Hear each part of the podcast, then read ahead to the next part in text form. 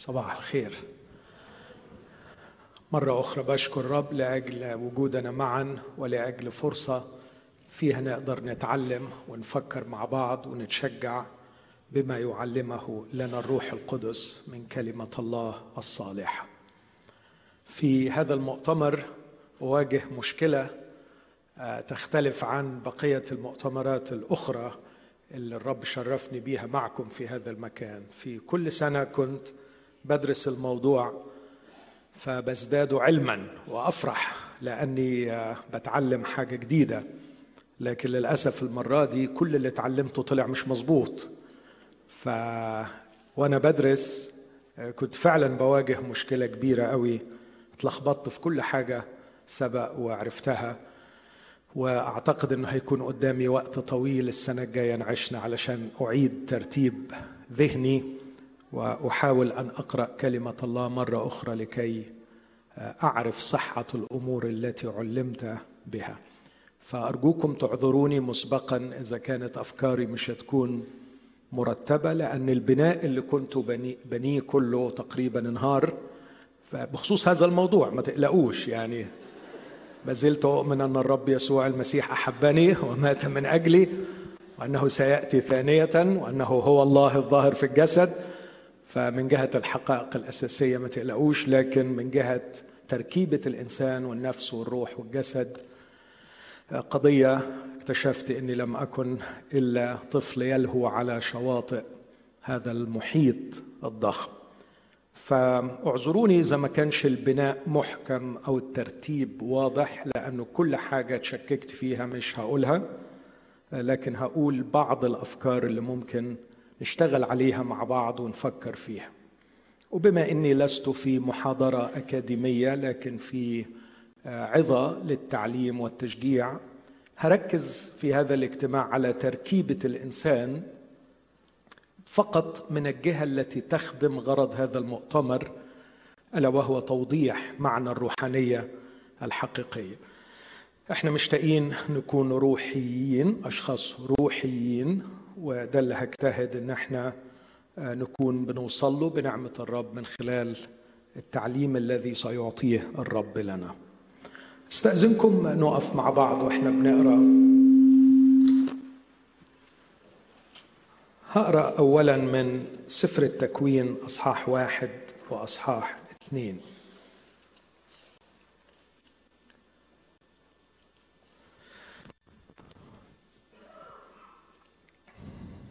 تكوين واحد عدد ستة وعشرين وقال الله نعمل الإنسان على صورتنا كشبهنا فيتسلطون على سمك البحر وعلى طير السماء وعلى البهائم وعلى كل الأرض وعلى جميع الدبابات التي تدب على الأرض.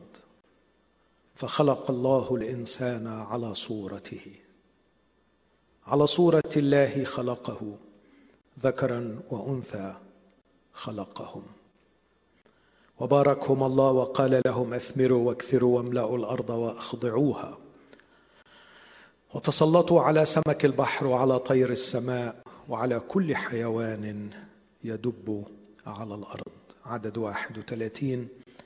وراى الله كل ما عمله فإذا هو حسن جدا. وكان مساء وكان صباح يوما سادسا. صح اثنين عدد سبعة.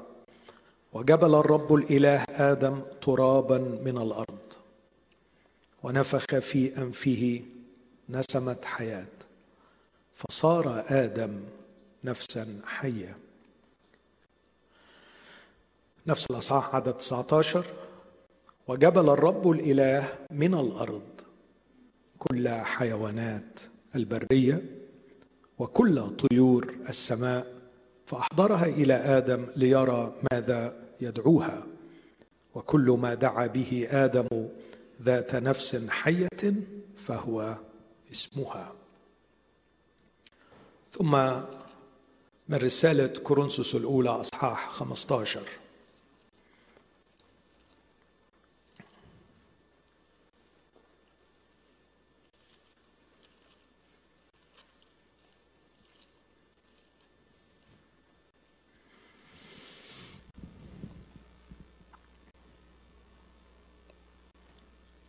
يتكلم عن قيامة الأموات أو قيامة الأجساد فيقول في 15 من كورنثوس الأولى عدد 44 يزرع جسما حيوانيا. أو الترجمة الأدق جسما نفسانيا. بسيخي منها سيكولوجي هي الكلمة الأدق. يزرع جسما حيوانيا ويقام جسما روحانيا. يوجد جسم حيواني ويوجد جسم روحاني. هكذا مكتوب أيضا صار آدم الإنسان الأول نفسا حيه وآدم الأخير روحا محييه روحا محييا. لكن ليس الروحاني اولا بل الحيواني وبعد ذلك الروحاني. الإنسان الأول من الأرض ترابي الإنسان الثاني الرب من السماء. كما هو مكتوب كما هو الترابي هكذا الترابيون أيضا. وكما هو السماوي هكذا السماويون أيضا. وكما لبسنا صورة الترابي سنلبس أيضا صورة السماوي. فأقول هذا أيها الإخوة إن لحما ودما لا يقدران أن يرثا ملكوت الله ولا يرث الفساد عدم الفساد. أخيرا جزء يبدو أن لا علاقة له لكن أجتهد إن إحنا نشوف العلاقة بتاعته مع بعض في تجربة الرب يسوع على الجبل في متى أصحاح أربعة. إنجيل متى أصحاح أربعة. ثم أصعد يسوع إلى البرية من الروح ليجرب من إبليس. فبعدما صام أربعين نهارا وأربعين ليلة جاع أخيرا. فتقدم إليه المجرب وقال له إن كنت ابن الله فقل أن تصير هذه الحجارة خبزا. فأجاب وقال مكتوب ليس بالخبز وحده يحيا الإنسان بل بكل كلمة تخرج من فم الله. ثم أخذه إبليس إلى المدينة المقدسة وأوقفه على جناح الهيكل. وقال له إن كنت ابن الله فاطرح نفسك إلى أسفل لأنه مكتوب أنه يوصي ملائكته بك فعلى أياديهم يحملونك لكي لا تصدم بحجر رجلك. قال له يسوع مكتوب أيضا لا تجرب الرب إلهك. ثم أخذه أيضا إبليس إلى جبل عال جدا وأراه جميع ممالك العالم ومجدها. وقال له أعطيك هذه جميعها إن خررت وسجدت لي. حينئذ قال له يسوع اذهب يا شيطان لأنه مكتوب للرب إلهك تسجد وإياه وحده تعبد. ثم تركه إبليس وإذا ملائكة قد جاءت فصارت تخدمه. آمين. هذه هي كلمة الرب. خلونا وإحنا واقفين نقدم له الشكر من أجلها. ونطلب منه إنه يفتح أذهاننا لنفهمها. يا رب هي فعلا كنز وغنيمة وافرة. كنا نعمل إيه يا رب من غير الكلمة؟ كيف كانت تشبع أرواحنا؟ وكيف كانت تتوجه عقولنا؟ هي سراج لأرجلنا ونور لسبيلنا. هي التي تشبعنا فنبتهج بها ونأكلها فنفرح. قال عنها عبدك وجد كلامك فأكلته فكان كلامك لي للفرح ولبهجة قلبي. أرجو يا رب في نعمتك وبسلطانك أن تتحنن علينا في هذا الصباح وأن تفتح ذهن عبدك وأذهان إخوتي وأن تعطينا أن نتعلم شيئا من أفكارك الصالحة من نحونا. في اسم المسيح يا أبي استجب. آمين.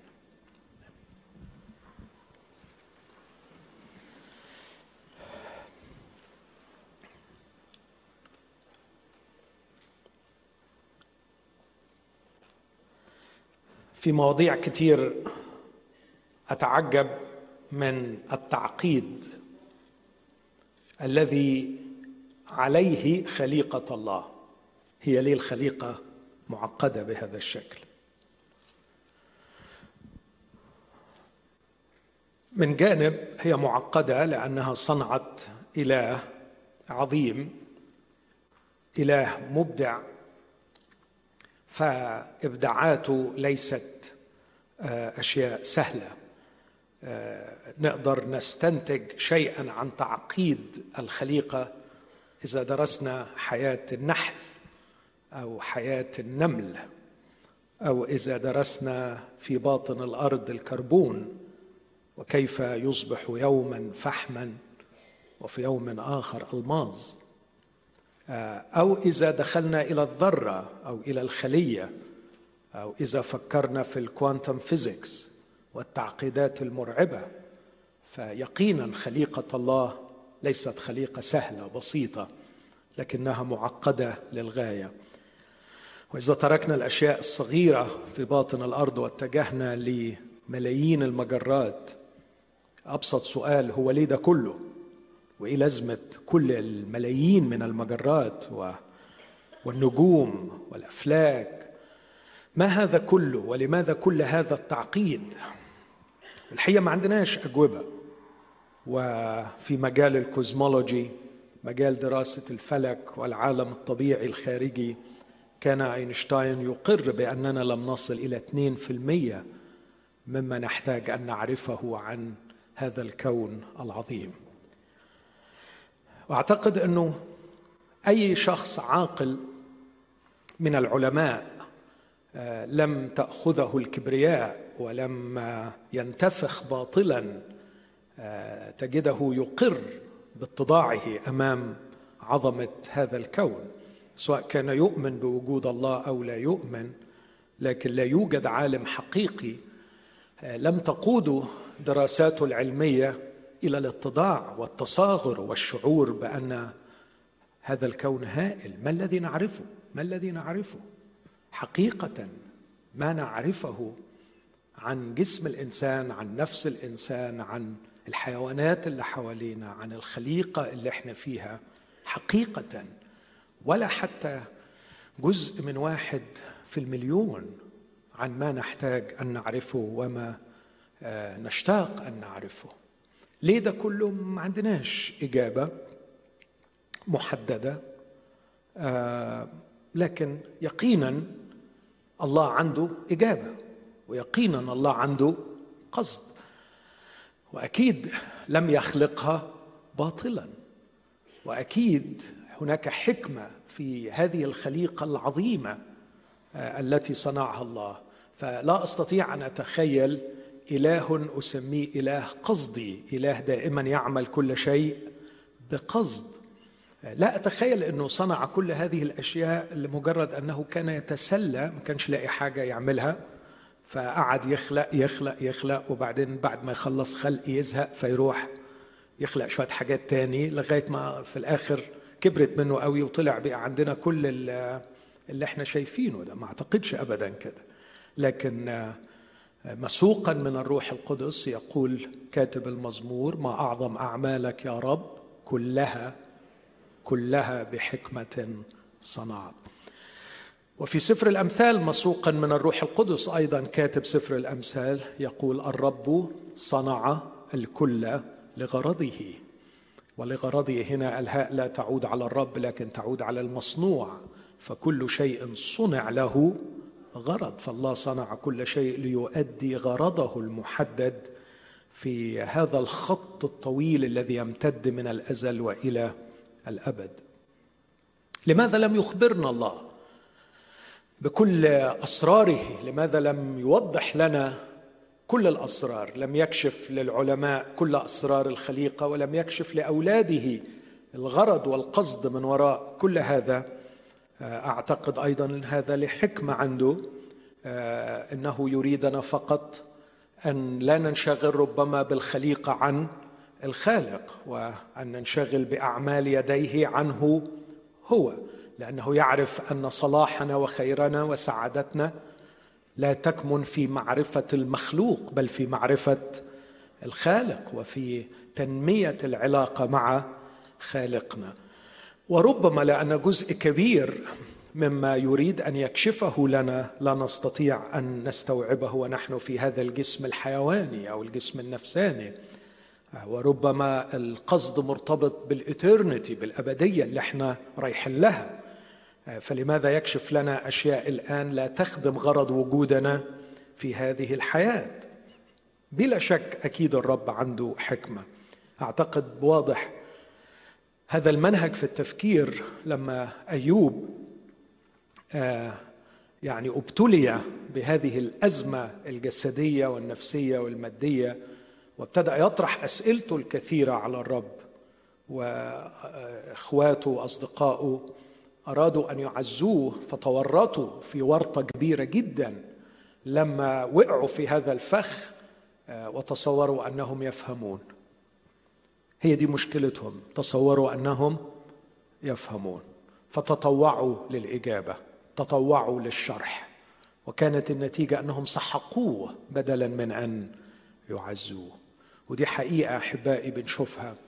آه، أخطر شيء بيعملوه اللي فاهمين نفسهم فاهمين أنهم بيسحقوا الآخرين. أخطر شيء وعلشان كده فعلا أبشع مرض روحي أبشع مرض روحي الكانسر الروحي اللي يصاب به مؤمن هو أنه يتصور أنه فاهم كل شيء وهاتوهم لي بس وأنا فاهمهم يعني. بس أنتوا خلوهم يقولي وأنا الأسئلة اللي محيراهم كلها إن شاء الله هجاوبها يعني. النوع ده بيسحق الناس. فهو قال لهم أنتوا سحقتوني. وكلام كتير قالوا أيوب معبرا عن حجم وعمق الألم الذي أصابه من هؤلاء الذين يظنون أنهم فاهمين.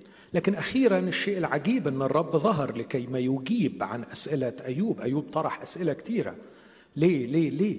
ولما ظهر الرب كنا نتوقع أن الشخص الوحيد الذي يملك الإجابات هو الذي يقدم الإجابة وبدلا من أن يجيب طرح عليه 77 سؤال. وكأن الرب يقول له ليس وقت الإجابات الآن. آه، لكن بالأحرى مش بس ليس وقت الإجابات لكن آه، لماذا تتصور وتظن في نفسك أنك ينبغي أن تكون فاهما لكل شيء؟ إيه اللي تفهمه؟ هي دي بس العقدة اللي, اللي تعباك إنك مش فاهم ليه أنت أبتليت بالألام؟ طب وبقية الحاجات كلها أنت فاهمها؟ تعال نتكلم وريني انت انت فاهم قد إيه. فكانت إجابة أيوب وضعت يدي على فمي. مرة تكلمت ومرتين فلا أزيد. لكن لاحظوا أحبائي حصلت حاجة غريبة رغم أنه لم تأتي الأجوبة لعقله لكن وصل الإعلان لروحه. وأرجو إن إحنا نحط خطين ثلاثة تحت الكلمة دي. لم تصل أجوبة لم يحصل عقله على أجوبة. لكن حصلت روحه على إعلان فيقول له بسمع الأذن سمعت عنك. أما الآن فقد رأتك عيناي. وأنا لا أعتقد إنها كانت رؤية حرفية. الرؤية الحرفية لا تغير الوضع ولا تغير الكيان وهذا ما حدث مع بني إسرائيل وما حدث في أيام تجسد المسيح لكن من الواضح إنها كانت رؤية روحية. أما الآن فقد رأتك عيناي. وبناء عليها عمل آه، تغيير روحي غير عادي ما كان يمكن أن تنتجه الأسئلة إذا أجيبت. يعني لو كان أيوب حصل على أجوبة لأسئلته ما أعتقدش إنه كان حدث فيه التغير الروحي والأخلاقي اللي حصل فيه بعد الإعلان الإلهي. بعد الإعلان الإلهي فوجئنا إن هذا الرجل بدلا من التذمر والأنين الشديد على الله يخر ساجدا للرب. أرفض وأندم في التراب والرماد ويقوم لكي يقدم الذبائح ويعبد الرب.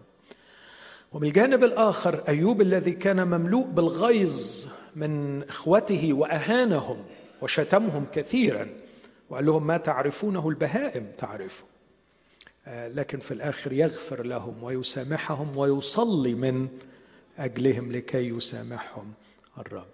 فالسؤال هل نحن في احتياج للأجوبة؟ آه، فقط أكيد الله إدانا عقول والعقول محتاجة أجوبة. واسمعوني أحبائي وأنا أقول هذا أقول أن الله أعطانا كثير من الأجوبة.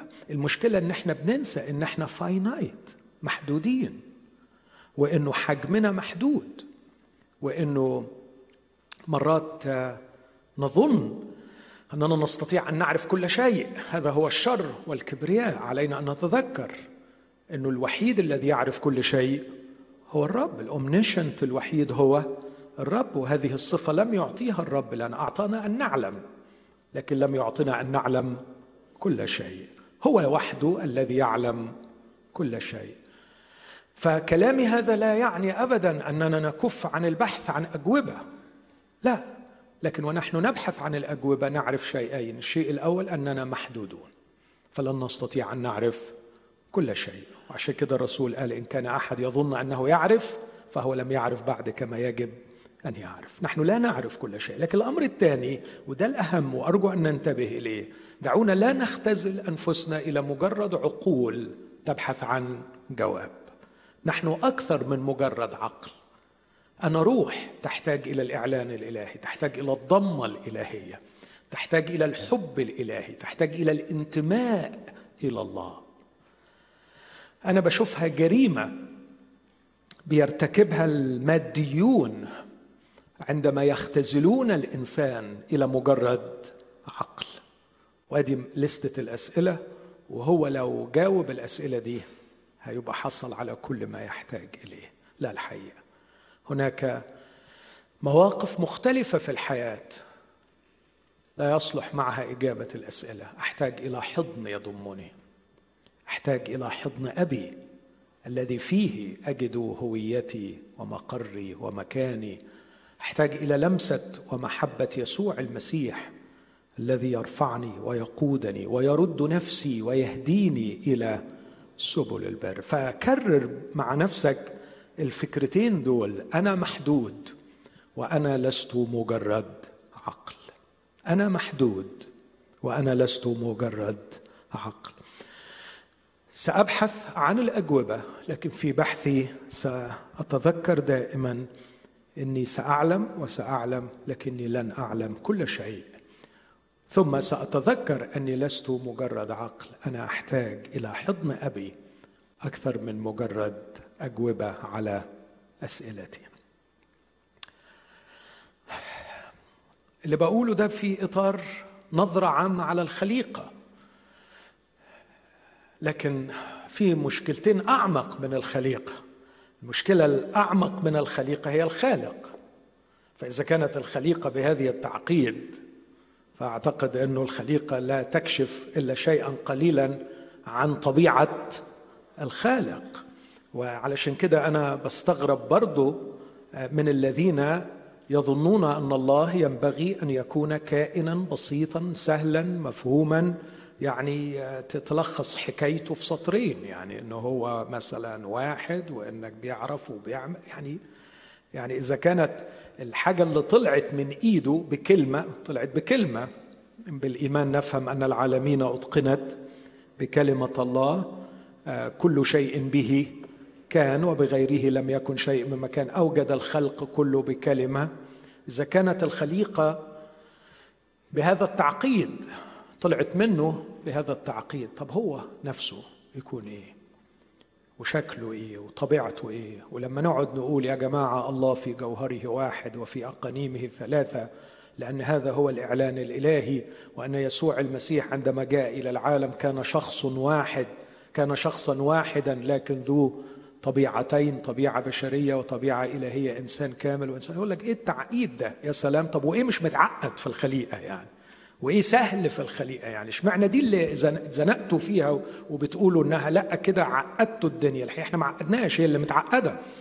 إحنا بس بنحاول نتفرج على اللي, اللي ربنا بيقوله واللي ربنا أعلنه واللي ربنا عمله. والغريب إنهم بيقبلوا التعقيد في الخليقة لكن يعملوا روحهم عبقرة قدام الخالق و... ولا لازم نستوعبه كله ونفهم وما تقولناش حاجات صعبة عن الخالق. بالتالي دي سذاجة تصل إلى حد الحماقة لكن المشكلة الثالثة الكتاب المقدس. وأنا أعتقد أنه منطقي. إذا كانت خليقة الله معقدة والله نفسه ليس بسيطا على الإطلاق. فأعتقد من الحماقة أن نظن أن الكتاب المقدس كتابا سهلا يعني فعلا بيدوخ حقيقي بيدوخ ومرات الواحد يشعر بال بالغضب. يا رب طب ليه بس؟ ليه ما الدنيا كده ما تبقاش أسهل؟ يعني تدينا كتاب أول صفحة في المحتويات والفهرس ومقدمة كده توضح لي الدنيا سهلة إزاي وبعدين الفصل الأول عن صفات الله والفصل الثاني عن أعمال الله والفصل الثالث عن أسماء الله وبعدين ندخل على خليقة الله. فصل فصل كده والواحد يقرأهم ويذاكر المنهج ويحفظه ويقوم يوعظ يبقى مية مية حتى قدام الناس يبقى شكله كويس يعني بدل الحوسة اللي إحنا فيها دي. لكن الكتاب المقدس مش كده. الكتاب المقدس عجيب وغريب. وكنت أتعجب جدا من اللاهوتيين اللي بيرفضوا مثلا الوحي اللفظي. وبعدين لما يبدأوا يناقشوك علشان يثبتوا إن الوحي مش لفظي وإنك ما تركزش على الألفاظ يحاول يثبت إن الوحي مش لفظي بالاستناد على ألفاظ من الكتاب المقدس. فكنت أستغرب أقول له طب خلاص غير الألفاظ اللي أنت بتستند عليها يعني يعني يعني زي على سبيل المثال يقول لي الحرف يقتل لكن الروح يحيي.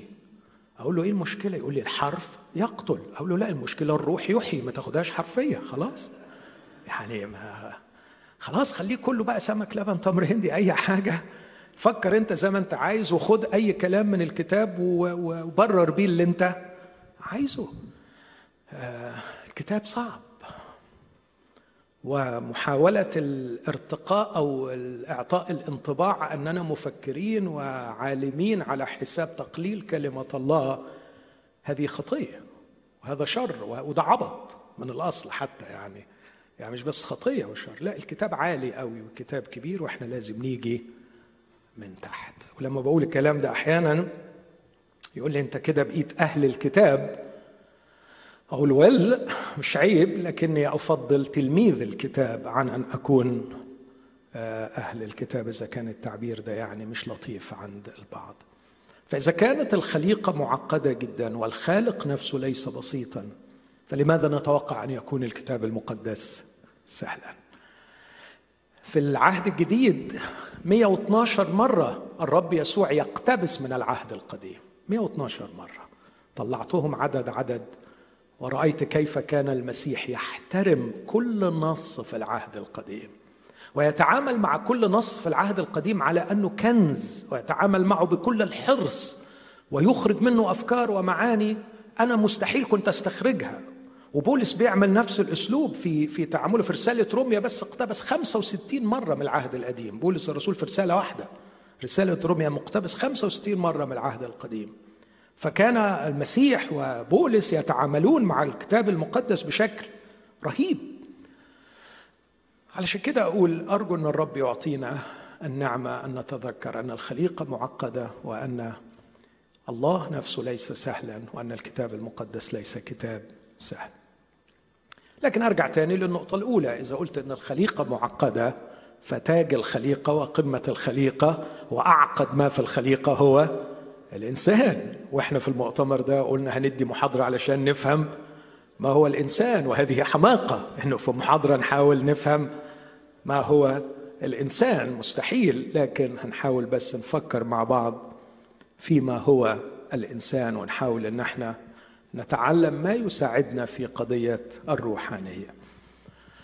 أنا هستنتج مجرد استنتاجات قابلة للامتحان والفحص والمراجعة والنقد كما تشاء والامتحان لكن مجرد استنتاجات.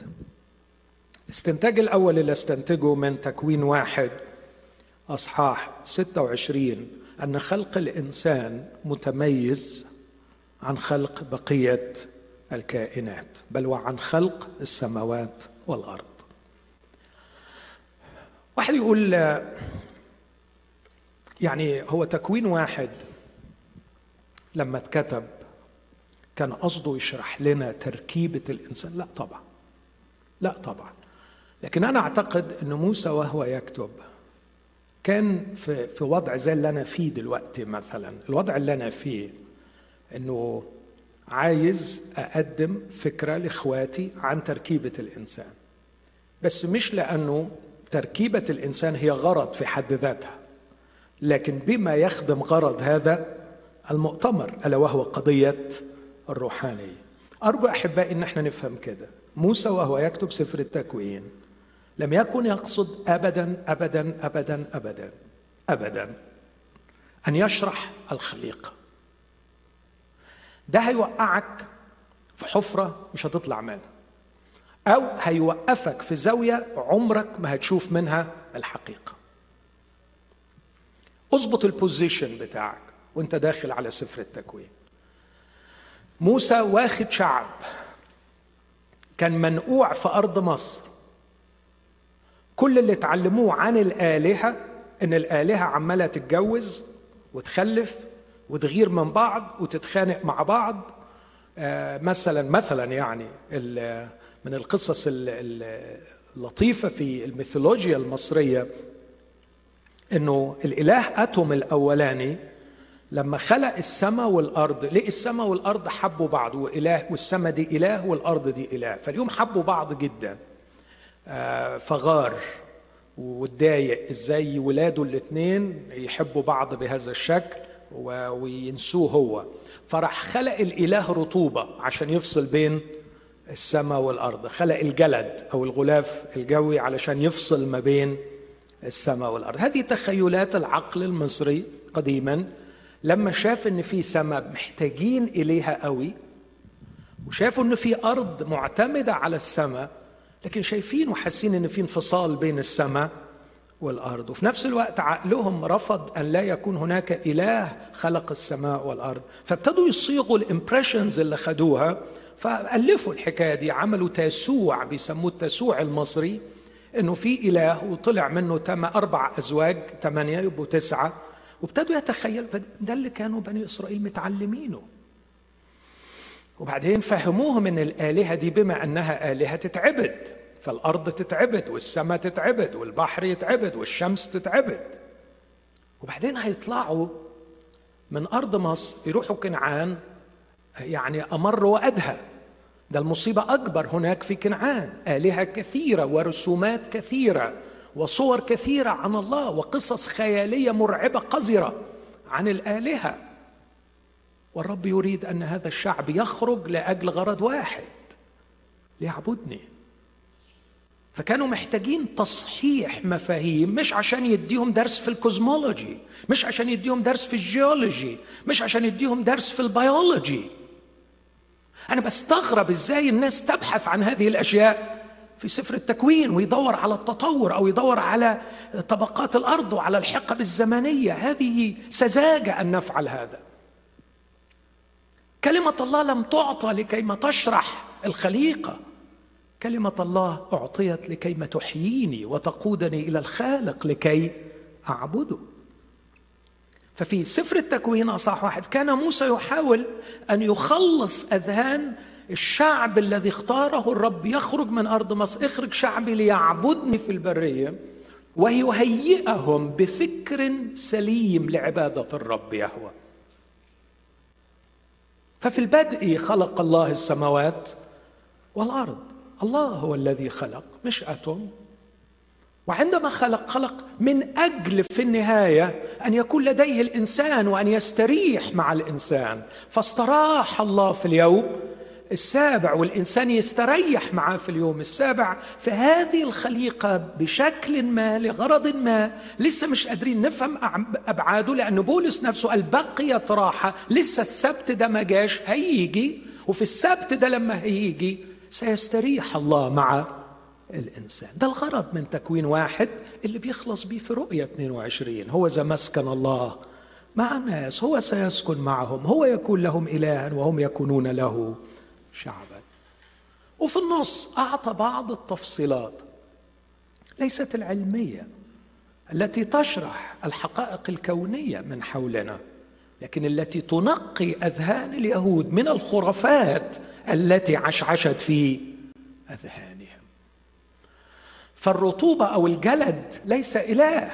اوعوا تفكروا إن الجلد إله. عملوا الإله أتوم يفصل بيه بين الأرض والسماء. نو نو الجلد ده مخلوق من مخلوقات الله. مادة الله خلقها.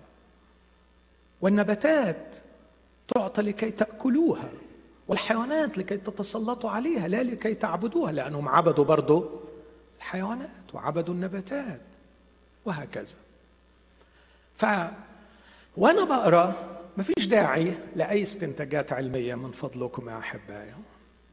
ده, ده وجهة نظري. ممكن أطلع غلطان لكن هو ده اللي أنا فاهمه. لكن أعتقد أنك مهما كانت الزاوية اللي هتقرأ منها سفر التكوين لن يصعب عليك أن تستنتج هذا الاستنتاج. أن هناك تميز في خلق الإنسان عن الحيوان وعن خلق السماوات. والأرض. Is that right? خلوني أوضح أو أثبت الفكرة اللي بقولها. في البدء خلق الله السماوات والأرض. كيف خلقها؟ من أماكن كثيرة في الكتاب نفهم أنه خلقها بكلمة. هو قال فكان. هو أمر فصار. سفر التكوين أكد على الحقيقة دي. كيف خلق الله السماوات والأرض؟ كم مرة تتكرر؟ حوالي سبع مرات. وقال الله ليكن نور فكان نور. طب اشرح دي علميا يعني إزاي اشرحها علميا. ما دام هتتدبس في الشرح العلمي أرجوك اشرح لي علميا. اولا اشرح لي علميا كيف يخلق من العدم. لا لا لا ما هو ده مش مش هنفهمه علمي. خلاص ما تدخلش العلم في الحتة دي. العلم دي نعمة عظيمة جدا ربنا مديها للعقل البشري أن يفحص عن الميكانيزمات والآليات كيف تسير الأمور. لكن الكتاب المقدس مش عشان كده. عشان الغرض عشان المصدر عشان ال meaning المعنى عشان الأخلاق اللي نعيش بيها علشان الحياة مع الله. أرجع تاني وأقول كيف خلقت السماوات والأرض؟ بكلمة الله. كيف خلقت الحيوانات؟ والحيوانات متميزة عن السماوات والأرض بشيء مهم إن فيها نفوس حية. لأول مرة نواجه المادة الحية في النباتات وبعدين نواجه مش المادة الحية لكن نواجه النفس الحية الواعية فالحيوانات تعي. الحيوانات تعقل. الحمار يعرف. مش كده؟ الثور يعرف قنية والحمار مع معلف صاحبه. السنونة تعرف وقت مجيئها فهي تعرف. الحيوانات بتعرف وبتعرف الحقيقة كتير قوي أكيد في تطور ما بين مثلا الشمبانزي والجيلي فيش الاثنين حيوانات أو الشمبانزي والدودة. أكيد في فرق في الوعي وهناك نقلة كبيرة جدا في الإدراك لكن الاثنين بيعقلوا والاثنين عندهم وعي. آه، ففي نقلة ما بين المادة الجماد وما بين المادة الحية في النبات وبعدين ذوات الأنفس الحية في الحيوانات. بس لاحظوا في كل الثلاث مراحل دول كانت وسيلة الخلق هي الكلمة. قال الله ليكن نور فكان نور. قال الله لتنبت الأرض لتنبت الأرض. قال الله لتخرج الأرض ذوات أنفس حية. لتفض المياه ذوات أنفس حية. عمال الكلمة تتقال اكزنيلو من العدم تطلع الأشياء تطلع الأشياء. لكن جاءت لحظة ولأول مرة نلتقي بالثالوث الأقدس وكأنه في حالة اجتماع لأمر جلل خطير وقال الله نعمل الإنسان على صورتنا كشبهنا. أمر جلل فيه يتشاور الثالوث مع نفسه. لم يتشاور مع نفسه بهذا الشكل قبل خلق السماوات والأرض. لكن مش بس كده. في تكوين اثنين وهو بيعمل فلاش باك على تكوين واحد علشان يشرح أكثر يورينا الفارق في عدد سبعة وعدد 19 تكوين اثنين سبعة وتكوين اثنين 19 تكوين اثنين سبعة وجبل الرب الإله آدم ترابا من الأرض. لاحظ جبله يعني هو بيده اللي عمل إيه؟ شكل وما قالش تخرج الأرض جسد. لكن كمان بعديها واو هنا بقى في وقفة لازم نقف قدام. بغض النظر عن تفسيرك لهذا العدد قريت امبارح تفسيرات يا إلهي كل واحد بيفسر تفسير والكلمات العبرية مختلفة وفعلا عدد معقد جدا إذا دخلنا في تفاصيله. يعني اكتشفت مثلا إنه ملوش دعوة بالنفس اللي هي روح ونفس وجسد. لكن بغض النظر عن شرح هذا العدد الكل يتفق على إنه في شيء جديد إنه مش جبل وتراب من الأرض فطلع بني آدم لكن يقول ونفخ في أنفه نسمه حياة فصار آدم نفسا حيا. قطع السياق في الحديث بلغة المفرد. إلى الحديث بلغة الجمع ليدخل الثالوث في المشهد. ثم إعطاء فكرة التشاور في داخل الذات الإلهية قبل خلق الإنسان. ثم إصدار القرار قبل الفعل. فكل اللي فات كان يقول فيكون. لكن قال الله لنعمل الإنسان وبعد ما اتخذ القرار فعمل الله الإنسان. وبعدين كونه لا يجعل الأرض تخرجه لكن يجبله بيده. وبعدين مش من الأرض لكن من تراب الأرض من الغبار الدست. برضه دي مش فاهم ليه. ليه هنا جه قال دست؟ مش من الأرض نفسها. أكيد الدست من الأرض طبعا بس لأني بحترم الألفاظ. محتاجة وقف. لكن مش بس كده هذا التدخل الإلهي بعد إيجاد الجسد.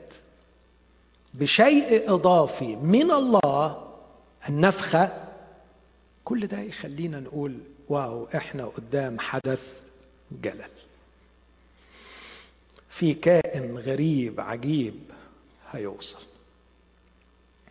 ما معنى إنه نفخ في أنفه نسمة حياة؟ نفخ؟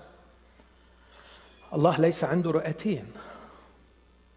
الله ليس عنده فم ينفخ به. لكن الهواء الطالع من النفخ يدل على أن الكائن حي. وعندما ينفخ في أنفه نسمة حياة أعتقد إنه واضح جدا إنه عايز يقول إن حياتك هتبقى معتمدة على حياتي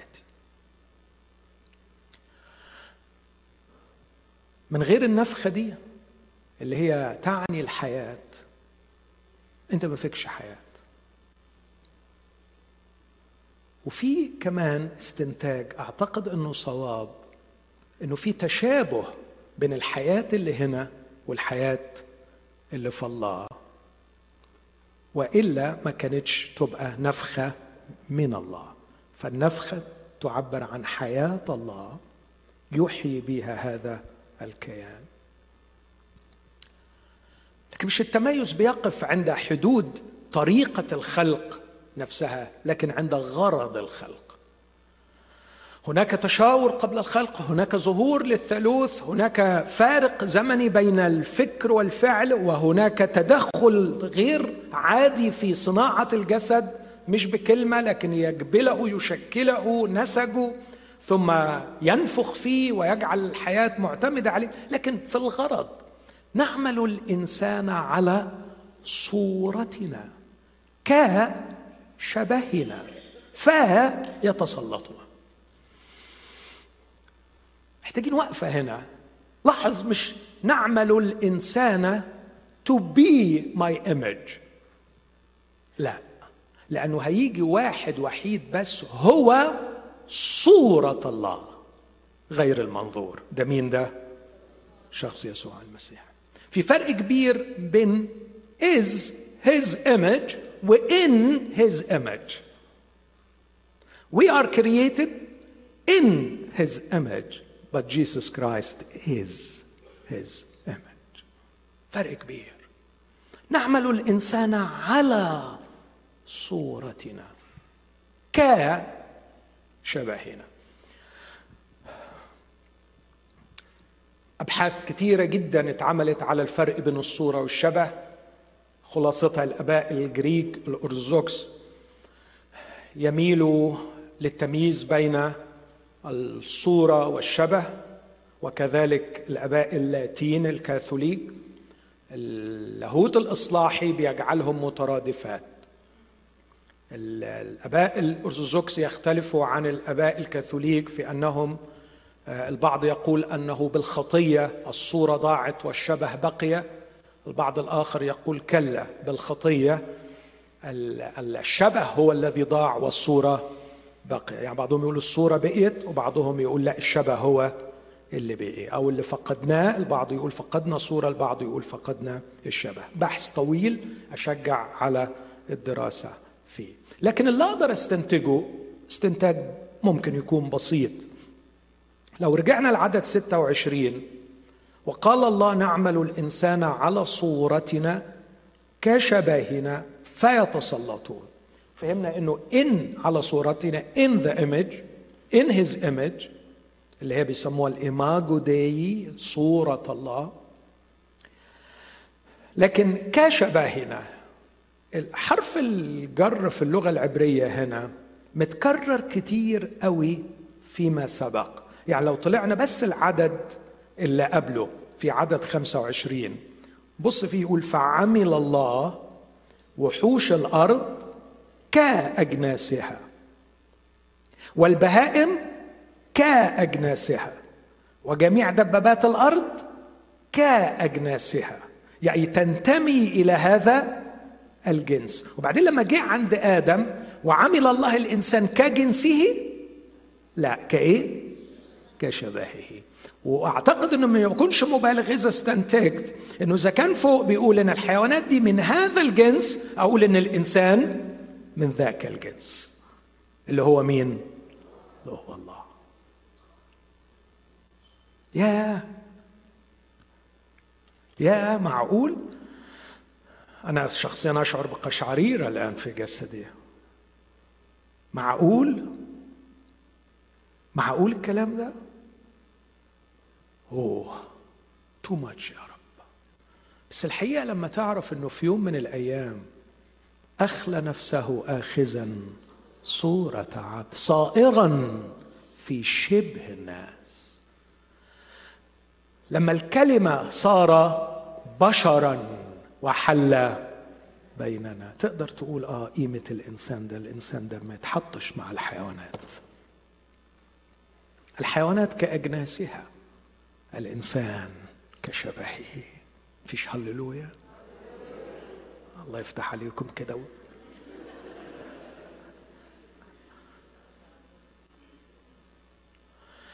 الحيوانات كأجناسها أما أنا فكشبهه كشبهه. هل هي مبالغة يا رب إني أستنتج هذا الاستنتاج؟ لكني لا أعتقد أني أبالغ عندما أراك في المزود تحملك الأيدي تأتي في صورتي. هل يصدق العقل أن من حملته الأيدي هو الله الذي صار بشرا كيف قبل أن يصير بشرا وعندما أراه يعلق على الصليب ليفتديني أعرف أن قيمتي أرقى من الحيوان. سيدينكم الله أيها العلماء يا من أفسدتم أذهان الناس وجعلتم الإنسان مجرد حيوان. يا له من شر عندما اختزلوا الإنسان إلى مجرد حيوان. عندما اقنعوا المرأة أنها مجرد جسد وأن ما يتكون في رحمها هو مجموعة من الخلايا التي لا قيمة لها يمكنها أن تتخلص منها وتقتلها. عندما أقنع الإنسان أن هذا الجسد هو مجرد حيوان قد تطور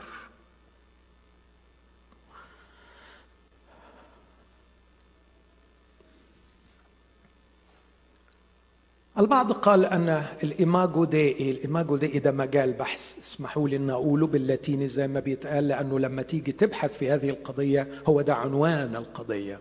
صورة الله صورة الله. كان بحثي في رسالة الماجستير عن صورة الله باعتبارها أساس للكرامة الإنسانية وكان الطرح اللي بطرحه على أي أساس الأمم المتحدة. بتقول إن حقوق الإنسان تبنى على الكرامة الإنسانية. جبتوا منين فكرة الكرامة الإنسانية؟ ليه يعني في كرامة للإنسان؟ أنتم تخضعون للعلم والعلم يقول أن الإنسان مجرد حيوان. فلماذا لا تكلمون عن الكرامة الحيوانية؟ ليه بتتكلموا عن الكرامة الإنسانية؟ 148 دستور دولة من ال 193 دستور اللي في العالم كله بينص على الكرامة الإنسانية. مفيش دستور واحد فيهم أعطاها تعريف. يعني إيه كرامة إنسانية؟ يعني إيه كرامة إنسانية؟ عرفوها؟ لنا human dignity منين يا حبيبي جايبها؟ خلينا أنا أقول لك منين جايبها من تكوين واحد. لما ما خلانيش كأجناس الحيوانات لكن خلاني كشبه الله. أنا مخلوق على شبهه. والغريب يا أحبائي أن تعليم العهد الجديد يؤكد على أنه بدخول الخطية حدث تشوه كبير في الإنسان لكن لم يفقد الإنسان الكونستيتيوشن بتاعه لم يفقد تركيبته باعتباره مخلوق على صورة الله. هناك تساؤلات. يا ترى الكرامة الإنسانية أو الصورة الإلهية في الإنسان اللي هي الايماجو دي مرتبطة بتركيبة الإنسان ولا مرتبطة بوظيفة الإنسان ولا مرتبطة بعلاقة الإنسان بالله. بعض اللاهوتيين آه، زي لوثر وكالفن ولاهوت الإصلاح يركز مثلا وتوما الإكويني يركز على الكونستيتيوشن على تركيبة الإنسان. لا الإنسان في تركيبته فعلا في حاجة متميزة عن الحيوان.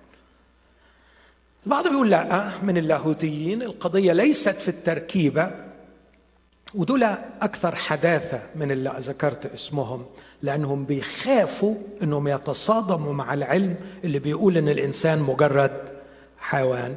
فيقولوا أنه القيمة ليست في التركيبة فحتى إذا أثبت العلم أن الجينوم البشري لا يختلف عن الجينوم في الشمبانزي إلا بأقل من واحد في المية. فيقولوا ما عندناش مشكلة لأن الكرامة الإنسانية مرتبطة ليس بتركيبة الإنسان لكن بوظيفة الإنسان باعتباره ممثل الله على الأرض.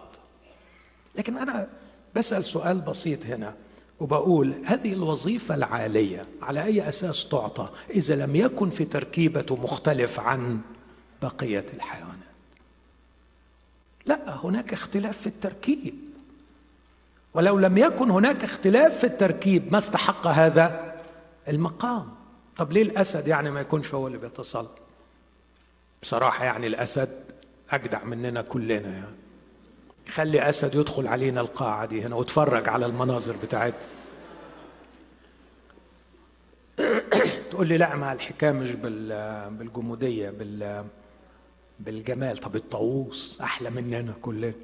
يجي ينفش ريشه هنا كده ولا العصافير الجميلة ولا ولا الغزال الحلو السريع ولا. أكيد في اختلاف في التركيبة الإنسانية. هي التي أعطته هذه الأفضلية لكي يتسلط ويسود ويكون ممثل الله في هذه الخليقة.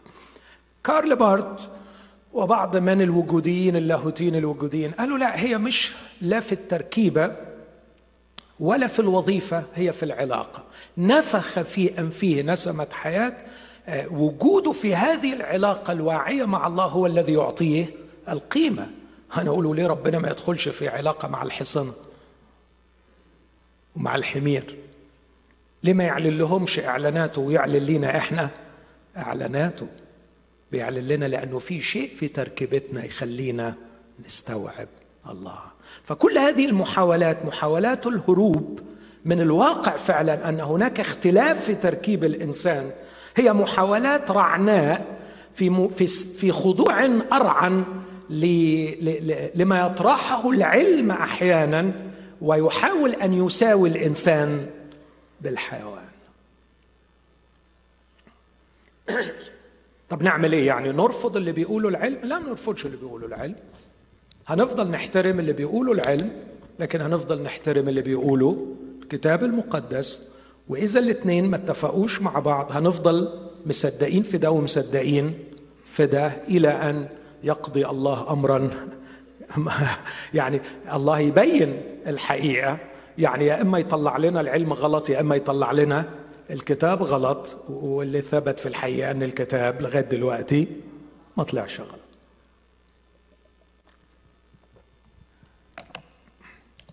يقول لك لا أحيانا المؤمنين كانوا بيؤمنوا من الكتاب إن الأرض ما بتدورش. غلطتهم مش غلطة كتاب. آه لكن أنا ممكن أجيب بقى مئة حاجة مئة حاجة العلم قالها وطلع بعدين غلط فيها. واللي موجود دلوقتي هم شغلتهم كلهم عايزين يطلعوا اللي موجود برضه غلط ويصححوه وهكذا. فخلينا ندرس العلم بكل اجتهاد وكمان ندرس الكتاب. بكل اجتهاد ومش شغلتنا ابدا إن إحنا نركبهم على بعض ونوفقهم على بعض. إيه بقى التركيبة المختلفة دي؟ ده اللي يلمس مع موضوعنا. إيه التركيبة المختلفة دي بقى؟ التركيبة المختلفة دي عليها كلام كتير قوي. البعض قال ما تعقدوش الدنيا هي الإنسان وحدة واحدة. وده بيسموه monism ال monism من mono يعني حاجة واحدة. جسد ونفس وروح وكل ده هو الإنسان حاجة واحدة. وعلى فكرة طبعا ده الرأي المادي اللي إحنا بنسميها reductive physicalism الرأي اللي بيركز على المادة فقط. مفيش حاجة اسمها روح مفيش حاجة اسمها ملاك مفيش حاجة اسمها afterlife مفيش حاجة اسمها ربنا مفيش حاجة اسمها شياطين. كل ما تراه عينك هو تجمع عشوائي للذرات.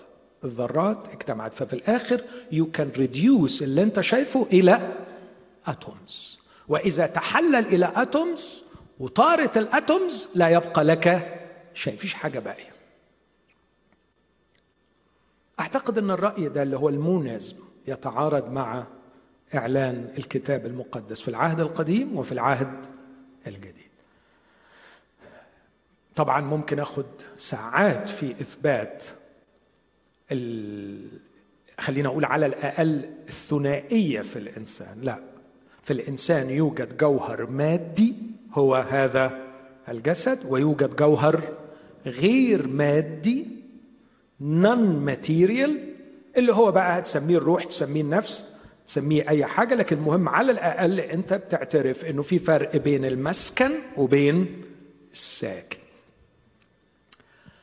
لو عايز أصحاح مثلا بيتكلم عن ده بوضوح كورنثوس الثانية أصحاح أربعة وأصحاح خمسة. بولس يقول بوضوح إن كان إنساننا الخارج يفنى فالداخل يتجدد. ونحن نعلم أنه إذا نقض بيت خيمتنا الأرضي لنا بناء في السماء غير مصنوع بيد وأبدي. وبعدين يقول كلام جميل لسنا نريد أن نخلعها. يا تخيل بيتكلم عن ال physical body باعتباره خيمة ممكن الواحد يخلعها بل أن نلبس فوقها وكلمة نلبس فوقها الكلمة الفعل اليوناني زي اللي بيلبس يعني سويتر على قميص كده يعني حاجة فوق حاجة نلبس فوقها مسكننا الذي من السماء يبقى إذا هناك ثنائية على الأقل مش كده؟ آه، الرب يسوع في متى عشرة لما بيقول لا تخافوا من الذين يقتلون الجسد لكن لا يقدروا أن يقتلوا النفس. لكن بالحري أقول لكم ممن تخافوا من القادر أن يهلك الجسد والنفس جميعا في جهنم. يبقى الرب يسوع بيميز كويس قوي بين الجسد والنفس. رب يسوع وهو على الصليب يقول للآب في يديك أستودع روحي. الكتاب المقدس بيتكلم عن إبراهيم وإسحاق ويعقوب أنهم أحياء عنده بينما كلنا ندرك أن أجسادهم قد تحللت. الرب يسوع أعطى مثل عن الأفتر لايف عن ما بعد الحياة ورانا لعازر في حضن إبراهيم. الرب يسوع ادانا مثل عملي آه، واقعي تاريخي في شهود عيان على حدوثه وكل كلمة تقوم على فم شاهدين أو ثلاثة الرب خد ثلاث شهود معاه على جبل التجلي وجعلهم يرون موسى وإيليا. صحيح إيليا صعد بجسده. برضه دي قضية من القضايا الشائكة. ما أعرفش جسده ده محطوط فين دلوقتي. محطوط في ثلاجة لغاية ما يرجع. ما أعرفش محطوط إزاي. لكن على الأقل موسى إحنا عارفين إن الرب عمل إيه؟ ها؟ دفنوا أكيد جسده تحلل لكن موجود. أنا لست مجرد جسدي. أنا مش مجرد الجسم اللي أنا فيه. يا ريت أفكر في الحكاية دي. الشاعر العربي حتى بلاش الإعلان الإلهي زمان يقول للإنسان قد أتعبت جسمك فيما فيه خسران. أتعبت جسمك فيما فيه خسران. أقبل على الروح واستكمل فضائلها فأنت بالروح لا بالجسم إنسان. تخيل. أنت مش هزيتوا راسكم قوي مع الشعر العربي وأنا مغرقكم آيات من الصبح. حاجة غريبة. زي بعض. عموما يعني الشعراء والفنانين أحيانا بيكونوا زي الأنبياء فعلا بس it's okay okay. لكن على الأقل الملاحظة الجيدة للإنسان جعلت هذا الشاعر يؤكد أنه لا يمكن أن يكون مجرد جسد. بل بالعكس هذا الرجل استنتج أنك بالروح لا بالجسم. إنسان ما يجعلك إنسانا. ليس جسدك. اللي العلم النهارده بيقول إنه يتشابه إلى حد كبير مع جسم الشمبانزي. ما عنديش أي مشكلة بس أنا إنسانيتي لا تنبع من جيناتي. إنسانيتي تنبع من إلهي. أنا مخلوق على صورة الله كشبهه. هو ده اللي مخليني إنسان مش شوية الجينات اللي في جسمي.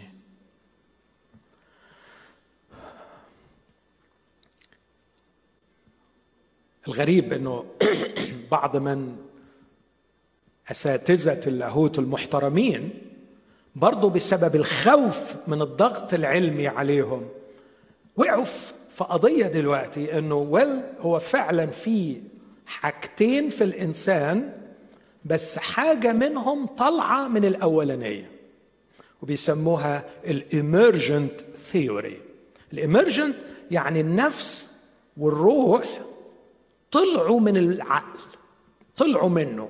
يعني ربنا عمل ال body وبعدين ال body مع لما بيصل إلى مرحلة تعقيد معينة في نموه بيروح مطلع النفس والروح. وطبعا الكلام ده كلام ممكن نرد عليه بردود كثيره لكن مثلا أدي مثل أو اثنين جوهر المخ اللي هو بيقولوا عنه مصدر العقل ومصدر ال mental functions جوهره مادي لكن ما أقدرش أقول إن العقل جوهره مادي. مثلا المخ له وزن له أبعاد له حجم له ملمس لكن الروح أو العقل ليس له وزن وليس له ملامح وليس له وزن وليس له طعم وليس له تيست أو ملمس. لكن الاخطر من كده المخ من الممكن أن يتجزأ لكن العقل لا يمكن أن يتجزأ. في مثلا آه، مرض اسمه Dandy-Walker syndrome. Dandy-Walker syndrome بيضيع جزء من المخ يصل إلى 80% من المخ. يعني بيبقى الشخص عنده 20% والباقي كله fluid just كده كيس فيه شوية مية فلويد بس الشخص بيظل إنسان. ما أقدرش أقول إنه ده 20% إنسان لأنه 80% من مخه ضاع. هو إنسان كامل. موافقين إنه إنسان كامل؟ وأمام القانون له حقوق. إنسان كامل. ما نقولش لا نقدر نديله 20% من حقوقه لأنه ده مجرد 20% إنسان. فالمخ قد يتجزأ قد يزيل جزءا كبيرا من المخ ويظل الإنسان. إنسان. هناك خبرات كثيرة لا نستطيع أن نجزم بصحتها مئة في المئة لكن من كثرة تكرارها لابد أن نحترمها. وهي هؤلاء الذين يصابون بأزمة قلبية حادة ويفارقون الحياة وبعدين بالريسيسيتيشن بيرجعوا تاني. أحيانا بيوصفوا حاجات في الفترة دي وبيقولوا كلمات قيلت فعلا من الدكاترة والممرضين رغم أنهم كانوا في الوقت ده تقريبا ممكن يكونوا خارج الجسد. فمن الممكن علميا حتى الرد على هذا الفكر أن العقل نشأ من المخ. لا العقل شيء والمخ شيء.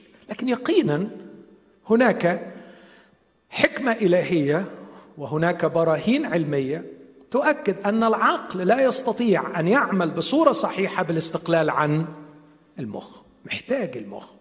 لكنه بالضبط كالفارق بين قائد السيارة والسيارة. من الممكن أن يصيب عطب للسيارة يصيب السيارة عطب ما يجعل السيارة لا تسير بشكل مضبوط لكن هذا لا يعني أن القائد نفسه اللي جوه شخص غير مظبوط لكن السيارة بتحدف لأن فيها مشكلة. فلما تروح الذاكرة مثلا أو لأنه الشخص مش قادر يمارس حياته الطبيعية ده مش لأنه العقل من جوه قد نقص شيئا لكن الفييكل اللي من خلالها العقل بيجري نشاطه هي اللي أصابها الخلل اللي هو المخ. لكن هناك طرح يسير خطوة متقدمة بسبب إعلان العهد الجديد أنه الإنسان مش كائن ثنائي جوهر غير مادي وجوهر مادي لكن الإنسان كائن ثلاثي. هو من روح ونفس وجسد. الحقيقة الكلام ده مقبول جدا وأسهل إن إحنا نقبله لو خدناه على السطح. لكن إذا دخلنا ديبر شوية هنكتشف أنه في مرات كتيرة جدا ينسب للنفس ما يقال عن الروح وينسب للروح ما يقال عن النفس. بل وفي مرات تانية يحط الروح مكان النفس. يعني واحدة من كانت الصدمات بالنسبة لي الأسبوع اللي فات وأنا بقرأ أنه أنا متعود أنه الحيوانات لها نفوس لكن ما فيهاش أرواح.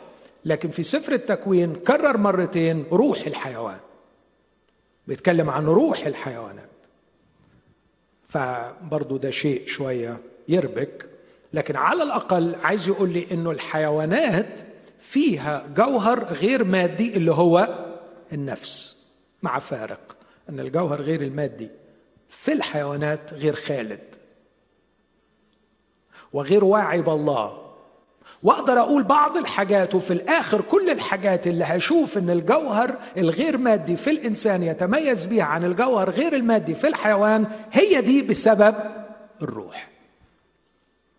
لكن ما فيش مانع إنه يشير إليها بكلمة روح باعتبارها نسمة حياة باعتبارها ما يحيي الحيوان باعتبارها الجوهر الغير مادي في الحيوان. عشان كده أنا بطرح الوقت خلص فأنا بطرح طرح للتفكير والنقاش. بأفضل ما أسميه الثنائية التمايزية التفاعلية. أقولها بالإنجليش؟ حاضر. Dualism distinctivism interactionism. سهلة. بالعربي؟ طيب. حاضر.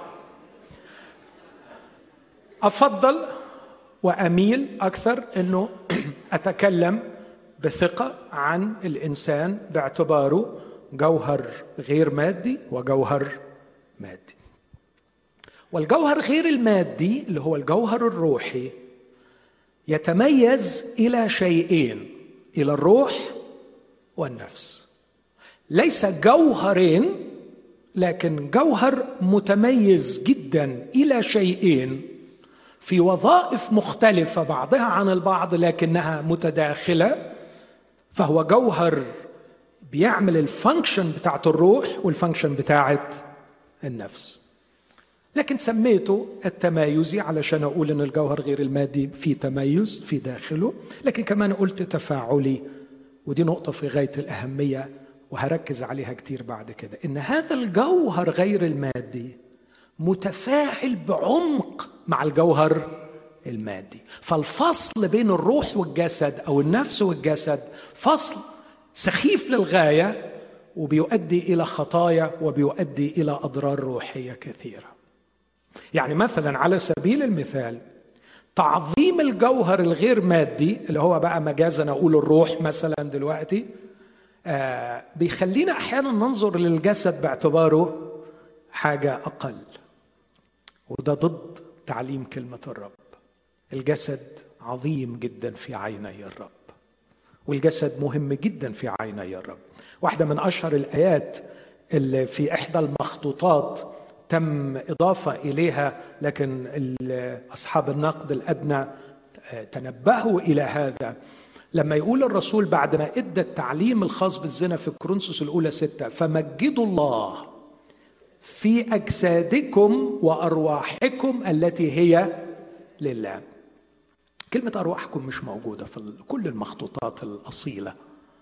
لكن لقيوها أضيفت لأنه الكاتب الناسخ يعني استكتر عليها أن ربنا يقول مجدوا الله في أجسادكم وما يقولش. أرواحكم راح مزود من عنده أرواحنا آه صح إحنا نمجد الله في أرواحنا بس النص ده بيقول مجدوا الله في أجسادكم. الجسد في غاية الأهمية. وبعدين الواقع العلمي بتاعنا بيقول وركزوا معايا في النقطة دي وهختم بيها إنه جسدي بيؤثر على روحي. جسدي يؤثر على روحي. لأنه متفاعل ومرتبط بشدة بروحي. وروحي أيضا تؤثر على جسدي. وأدي مثلين. اللي هيروح يزني في غباء وحماقة بيفكر إنه بيزني بجسده. غلط. رسول بولس بيقول من يلتصق بزانية هو والزانية لا الكلمة الأدق مش جسد واحد بشر واحد. فالتوحيد هنا ليس توحيد أجساد لكن توحيد بشرين مع بعض. أوعى تفكر إنه في هذه الممارسة الروح بتقف على جنب. لا. لا لا لا لا لا لا لا. لأنه الجسد لا ينفصل عن الروح إلا في حالة الموت. فأنت بتجرجر روحك وراك إلى هذا الالتصاق.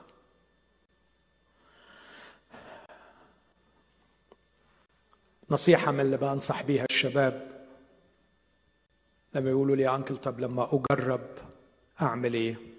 أقول له حبيبي لما تشعر برغبة أن ترتبط جنسيا بهذه الفتاة. اسأل نفسك بعض الأسئلة.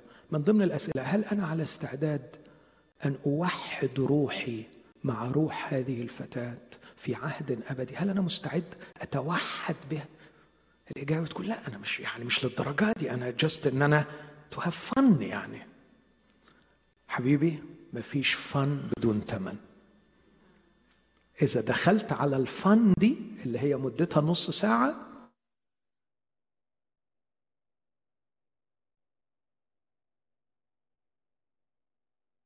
انت بتلعب بالنار خلي بالك بتلعب بروحك.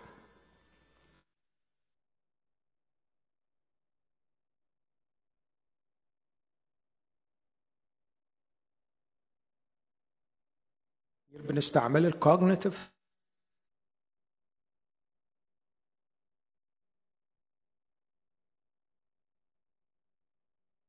بالعقل لكن مخاطبة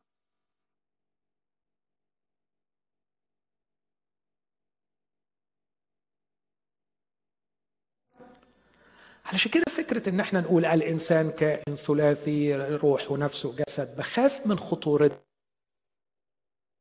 تفصل بتخلي الروح والنفس شوية.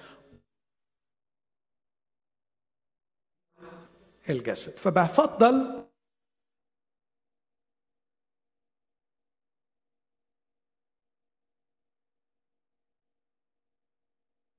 جوهرين جوهر مادي وجوهر غير مادي. والجوهر الغير مادي متميز إلى نفس وروح.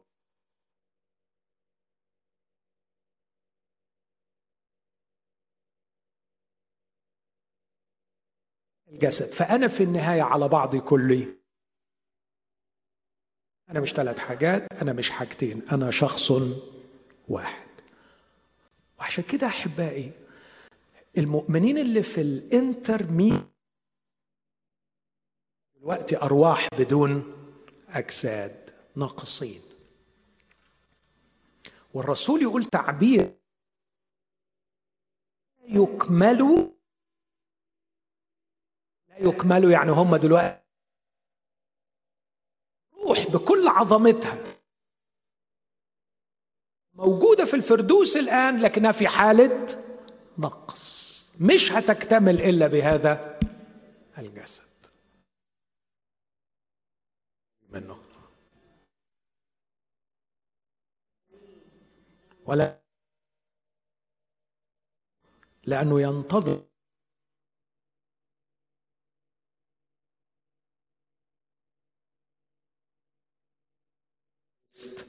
فوقه. أنتظر مع كل إخوتي هذا الاكتمال في الوضع. شكل جسد تواضعنا ليكون على صورة جسد مجده حسب عمل استطاعته. شيء.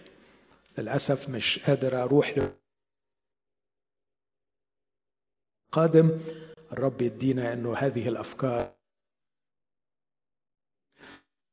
الحاجة الأولانية نحترم روحنا.